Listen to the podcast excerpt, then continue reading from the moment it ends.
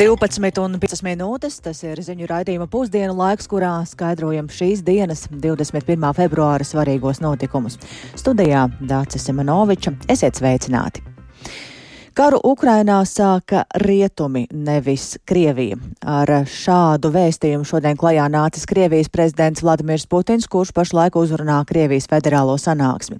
Sagaidāms, ka pēcpusdienā ar savu runu, kas ideoloģiski noteikti būs pilnīgi pretēji, Varšavā klajā nāks arī ASV prezidents Joe Bidenis, kurš vēl vakar viesojās Kīvā. Un šobrīd esam sazinājušies ar kolēģi Uģi Lībieti, kurš seko līdzi pat labam Krievijas prezidenta Putina uzrunai. Sveiks, Uģi! Sveicināti, Dārts, sveiki klausītāji! Jāsaka, kādi tad ir šīs uzrunas galvenie vēstījumi? Nu, manuprāt, pirmais un galvenais vēstījums, kas izkristalizējās no Putina šīs dienas uzrunas, ir tas, ko savulaik Samuels Huntingtons nosauca par civilizāciju sadursmi. Nu, faktiski tieši to šodien savas uzrunas sākumā arī pateica Putins, ka pašlaik notiek kardināls izmaiņas visā pasaulē un Tā patiesība pašlaik ir Krievijas pusē, kas nav mierā ar rietumu pasaules uzspiesto ideoloģiju un arī uz skatījumu ar pasaules kārtību. Nu, gluži kā pirms vairākiem gadiem Putins arī šodien norādīja, ka arī karu Ukrainā faktiski aizsāka rietumu pasauli ar Ukrainas rokām, bet Krievija esot darījusi un joprojām dara visu iespējamo, lai atrisinātu visu mierīgā ceļā. Izrādās, ka pagājušā gada februārī Krievijas pierobežā esot izvērstas NATO bāzes, biolaboratorijas un Ukrainas Ukraina izlēmīgi tikusi gatavota karam. Nu, paši rietumi to tagad atzīstot, tāpat kā esot to darījuši Dienvidslāvijā, Sīrijā, Lībijā un citās valstīs, uzspļaujot visām vērtībām. Nu, šī ir tieši tā retorika, uz kuru faktiski pēdējo gadu un gadus ir balstījusies visa Krievijas propaganda, un tas šodien atkal tika atkārtoti uzsvērts. Un, nu, lai arī Putins visu laiku vairāk pieminēja Krievijā tik ļoti neciestos kolektīvos rietumus, tad zemteksts ir acīm redzams. Pēc viņu vārdiem tieši Amerikas Savienotās valstis ar Ukraiņas rokām uzsāka šo karu, un Krievija tagad ar ieročiem rokās cenšoties to izbeigt. Nu, paklausīsimies arī fragment no viņa runas. Мы защищаем жизнь людей свой родной дом. А цель Запада – безграничная власть. Mēs aizsargājam cilvēku dzīvību un savas dzimtās mājas, bet rietumu mērķis ir neierobežota vara. Rietumi jau ir iztērējuši vairāk nekā 150 miljārdus dolāru, lai atbalstītu Kijevas režīmu. Salīdzinājumam, saskaņā ar ekonomiskās attīstības un sadarbības organizācijas datiem, nabadzīgākajām valstīm G7 valstis divu gadu laikā ir piešķīrušas mazāk par 60 miljārdiem dolāru dolāru. Turklāt vēl tiek prasīta paklausība no šīm palīdzības saņēmējām. Kur tad paliek šīs runas par cīņu pret nabadzību, par attīstību, par ekoloģiju, kur tas viss palicis? Bet naudas plūsma kara atbalstam nemazinās, tāpat kā atbalsts valsts apvērsumiem dažādās valstīs. Nesen Minhenes konferencē tika izteikts daudz pārmetumu Krievijas virzienā. Rodas iespējas, ka tas tika darīts ar mērķi, lai visi aizmirstu par to, ko tā sauktie rietumi ir pastrādājuši pēdējo gadu desmitu laikā. Un tie ir tieši viņi, kas izlaida džinu no pudeles, novedot veselus reģionus haosā. Это они выпустили джина из бутылки. Целые регионы погрузили в хаос.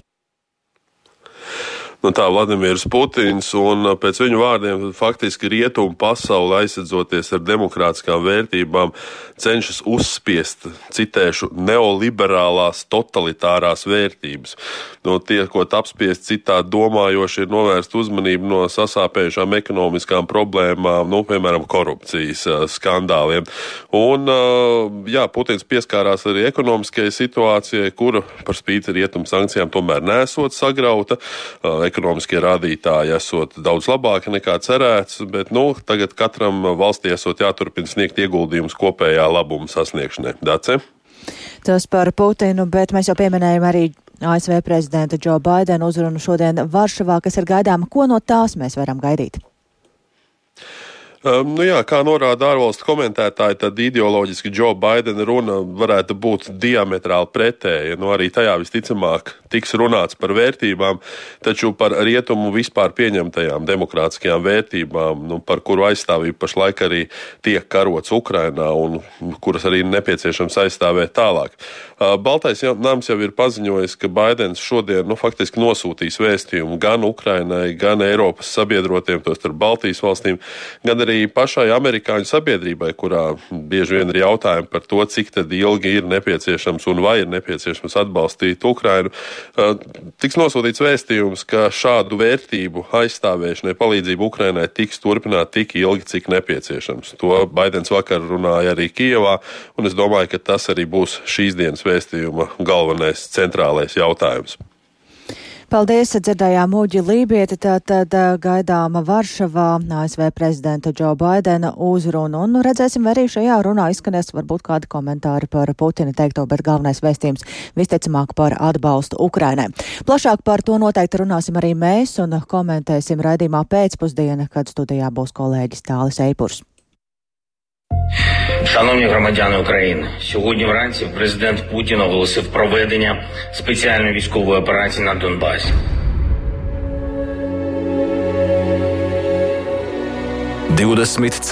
Februāris. Gads kopš kara Ukrainā. Jā, un šajā nedēļā pieminam gada dienu kopš Krievijas sāktā pilna apmēra iebrukuma Ukrainā, un Ukrainai šobrīd kritiskākais resurss ir laiks. Tā kolēģim Rihardam Plūmēm un Dānijas laikrakstā Berlingske žurnālistai Solveigai Jensenai sacīja Ukrainas augstākās radas priekšsēdētājs Ruslans Stefančuks, uzsverot, ka karu ir būtiski noslēgt šogad, jo Ukrainas resursi karā ir ierobežoti. Rietum atbalsts palīdz mērķi sasniegt, taču birokrātija palēnina palīdzības ātrumu. Ukrainai tas katru dienu maksā ar vien jaunas dzīvības, un paklausīsimies Stefančuku sacīto par to, kā karš izmainīs Ukrainu.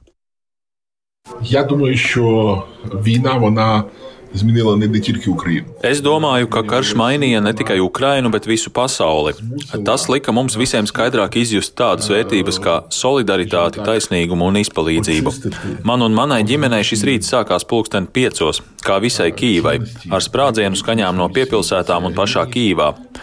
Pirmo reizi, kad izdzirdējām sprādzienu skaņu, tās pat nebija bailes. Tas bija izmisums un dziļa vilšanās, ka viens cilvēks 21. gadsimtā Eiropā var izvērst plašu karu.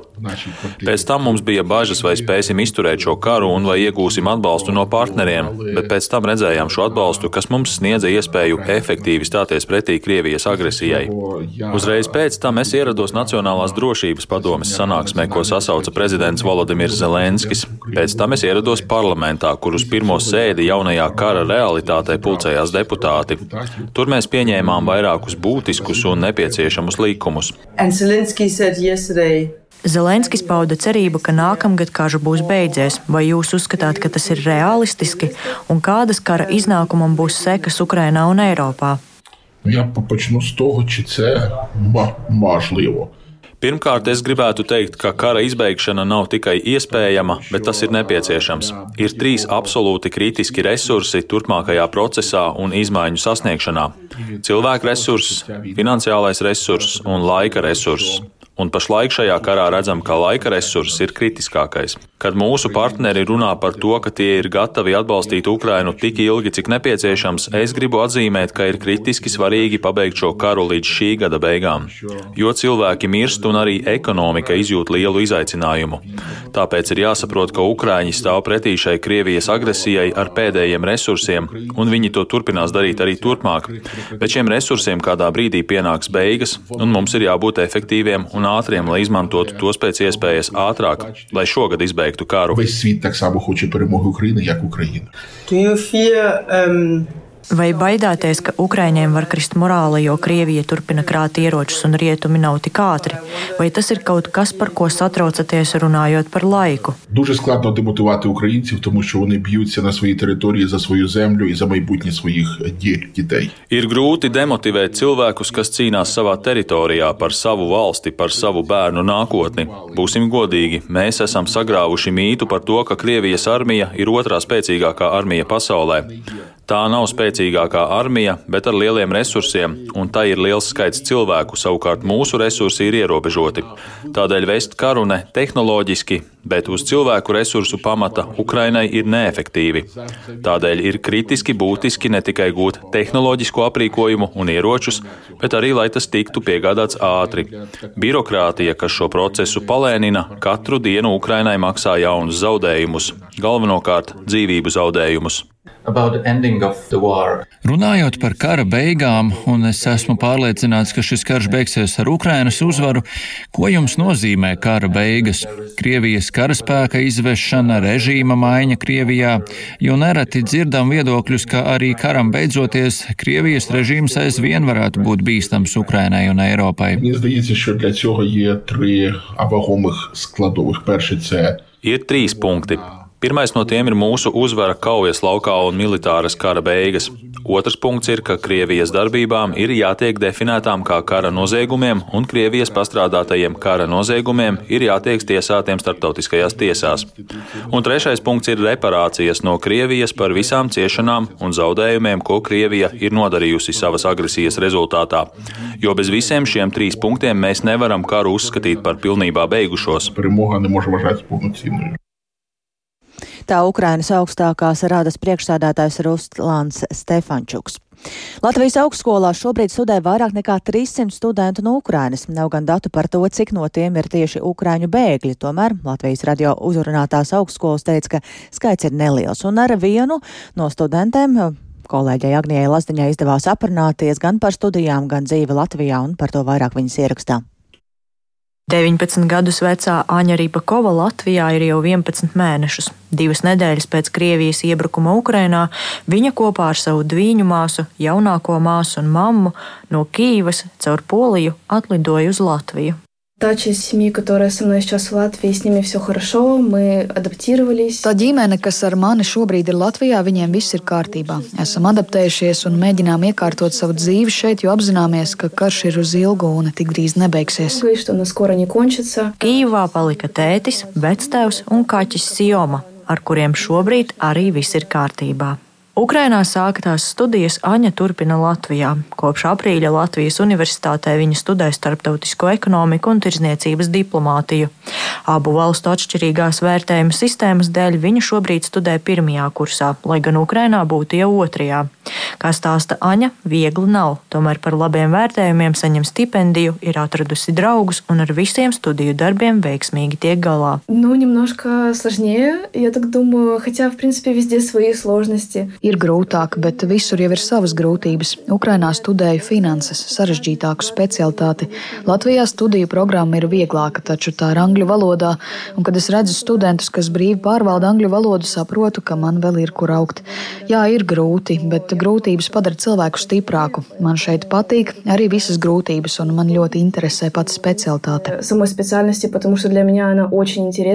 Studenti mācās arī latviešu valodu, ko sauc par neparastu, bet skaistu valodu. Как только мы сюда приехали, мы жили, вот как я уже упомянула, в host family. Kad atbraucām uz Latviju, mūsu uzņēma ģimene, kur vīrs bija latvietis, bet sieva amerikāniete. Viņi mums mācīja latviešu valodu, deva padomus, kā ātrāk to apgūt.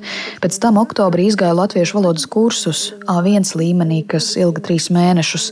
Interesanta pieredze, bija grūti, bet elementāras frāzes māku pateikt. No, могу сказать. Domājot par notikumiem Ukrainā un gaidāmo 24. februāri, Aņa atzīst, ka joprojām nespēja noticēt, ka Latvijā ir jau gandrīz vienu gadu. Честно, для меня вот все это время как будто февраль, то есть у нас все так, в принципе, украинцы говорят, то, что... Sajūta, ka visu gadu ir februāris, tā daudziem ukraiņiem. Lai gan man februārī ir dzimšanas diena, nespēju pārslēgties, jo šis mēnesis saistās ar skumjām. Krievijai patīk nozīmīgi datumi, cerams, ka šajos nekas nopietnas vairs nenotiks un ka šāds gads ir pēdējais mūsu vēsturē. iegūtu naša kravāva istorija. Jaunieti atceras, pirms gada, atstājot Ukrainu, bija apziņa, ka paļauties var tikai uz sevi un saviem spēkiem. Tomēr, nonākot Latvijā, un ne tikai redzot, bet arī saņemot latviešu atbalstu, domas mainījās. Spasība vam za Daži za transportu, потому что... Paldies jums par transportu. Teicis reizēm zvana no Kīivas un saka, es tagad braucu Rīgas autobusā. To dzirdot, sejā uzreiz parādās smaids. Ziedotās mantas, apģērbs, pārtika, tās palīdz un liek justies labi. Tomēr apziņa, ka grūtos laikos Ukraiņi nav atstāti vieni, tā liek justies vislabāk, saka Aņa. Lielas Lielas paldies par jūsu palīdzību! Latvijā. Sarunas beigās jaunieti atzīst, lai gan Latvijā ir iedzīvojusies, šeit jūtas labi un droši, tomēr cerība par drīzu atgriešanos mājās Ukrainā nepamet. Agnija Lazdiņa, Latvijas radio. Glābēji Turcijā atkal meklē izdzīvojušos zem ēku drupām pēc tam, kad valsts dienvidu provinci Hataju piedzīv, piemeklējusi vēl viena spēcīga zemestrīce. Līdz šim ir apstiprināta vismaz sešu cilvēku bojāja, bet vairāk simti ievainoti. Zemestrīce skāra arī Sīrijas ziemeļus, bet no turienes pagaidām nav ziņu par upuriem. Vairāk stāsta Uldis Česberis.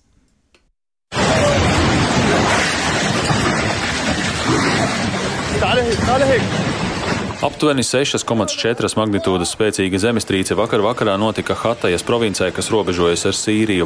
Zemestrīces epicentrs atradās netālu no provinces lielākās pilsētas Antakjas, ko smagi nopostīja 6. februārī notikušās zemestrīces.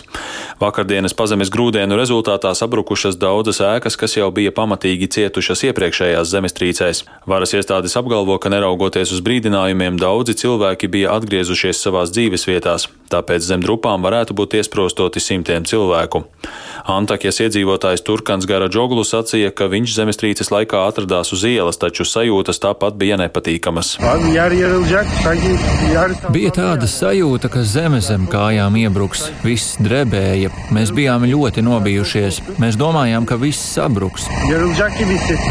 Zemestrīce izraisīja paniku nometnē, kur ir izmitināti pirms divām nedēļām notikušajās zemestrīcēs izdzīvojušie.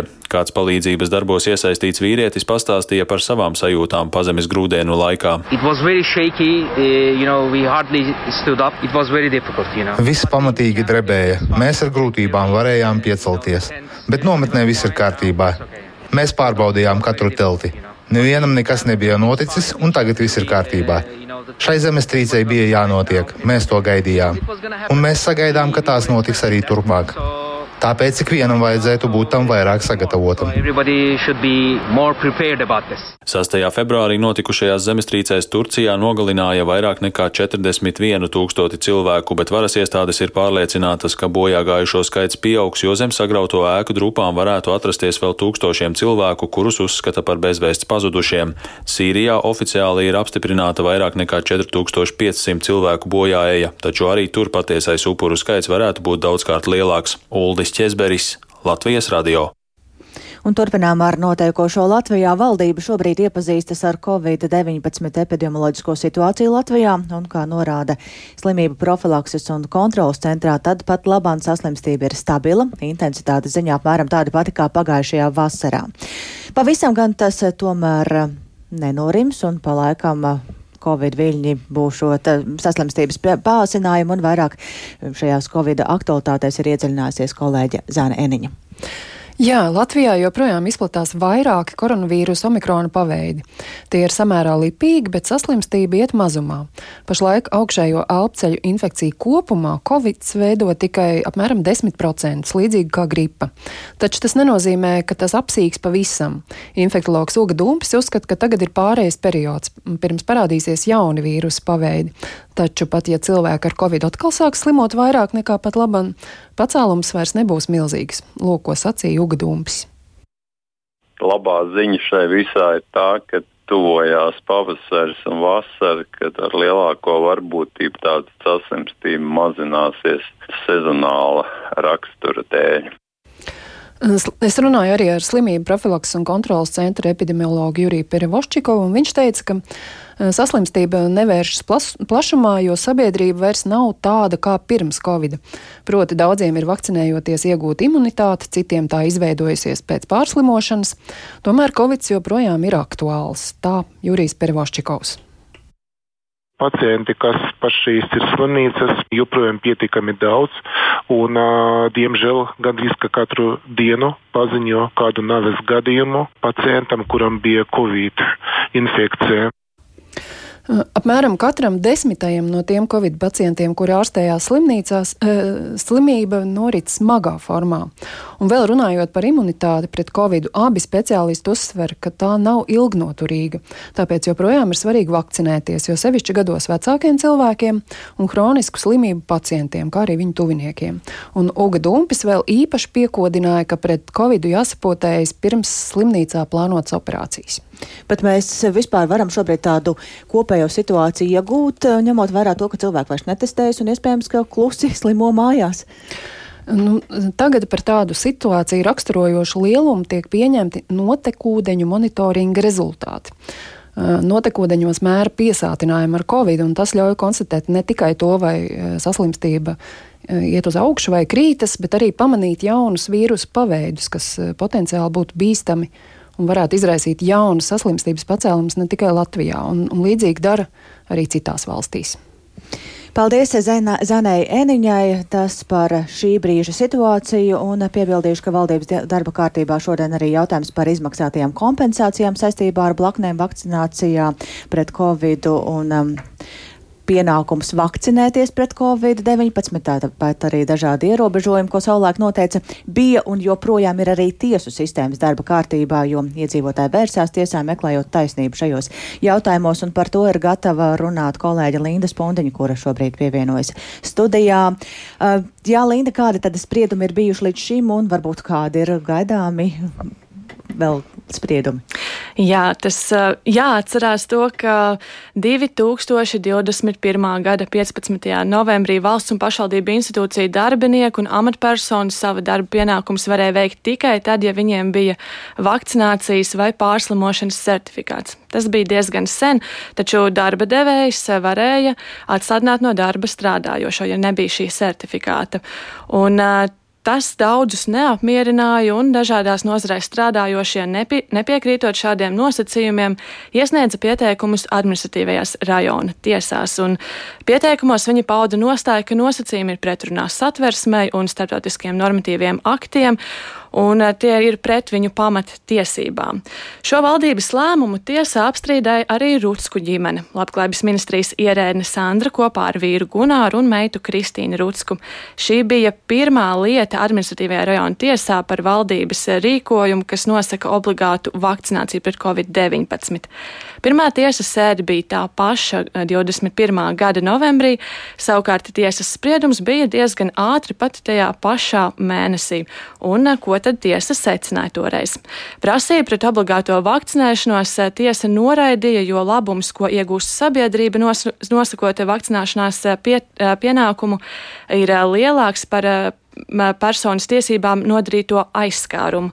Tiesa atzina, ka vakcinācijas pienākums paredzot sekas tā nepildīšanas gadījumā ierobežo personas tiesības uz privāto dzīvi un tiesības brīvi izvēlēties nodarbošanos un darba vietu atbilstoši savām spējām un kvalifikācijai.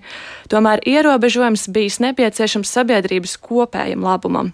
Rutsku ģimene pirmās instances tiesas spriedumu pārsūdzēja apelācijas instancēm. Tur tiesas process nebija tik ātrs kā rajona tiesām. Pagājušā gada vasarā administratīvā apgabala tiesla pasludināja lēmumu. To tāpat kā pirmajā instancē noraidīja. Ar to arī viss beidzās? Nē, Rutsku ģimene gāja tālāk, iesniedza sūdzību augstākajā tiesā. Oktobrī tiesa lietu ierosināja, taču tā vēl nav skatīta. Nav arī noteikts datums, kad to skatīs.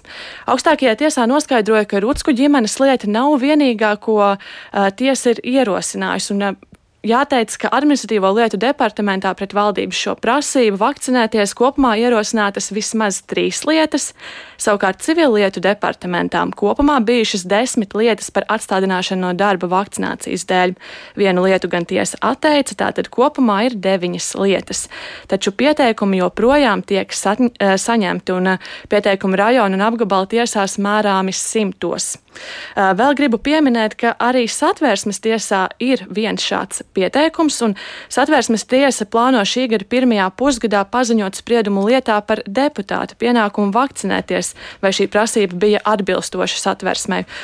To gan noskaidrosim, kā jau minēju, tad šajā pirmajā pusgadā šogad, taču satversmes tiesā pārsvarā šādi lēmumi par vakcinēšanos un to, vai tas ir bijis tiesīgi, netiek skatīti, kā jau minēju, tas notiek rajona tiesās, taču satversmes tiesā ir bijuši dažādi pieteikumi un varu pieminēt, piemēram, to, ka satversmes tiesa bija spriedums par ārkārtējās situācijās, laika, ārkārtējās situācijas laikā noteikto uh, klātienes azartspēļu ierobežojumu, ko tad satversmes tiesa sacīja, ka tas ir atbilstoši satversmei. Tātad tiesvedība saistībā ar Covid turpinās, un ar to arī izskan radījums pusdiena. Producente Ilze Agīnta ierakstus montēja Renāša Čeimanis par labskaņu rūpējās Jāna Dreimena, un ar jums sarunājās Dācis Simenovičs.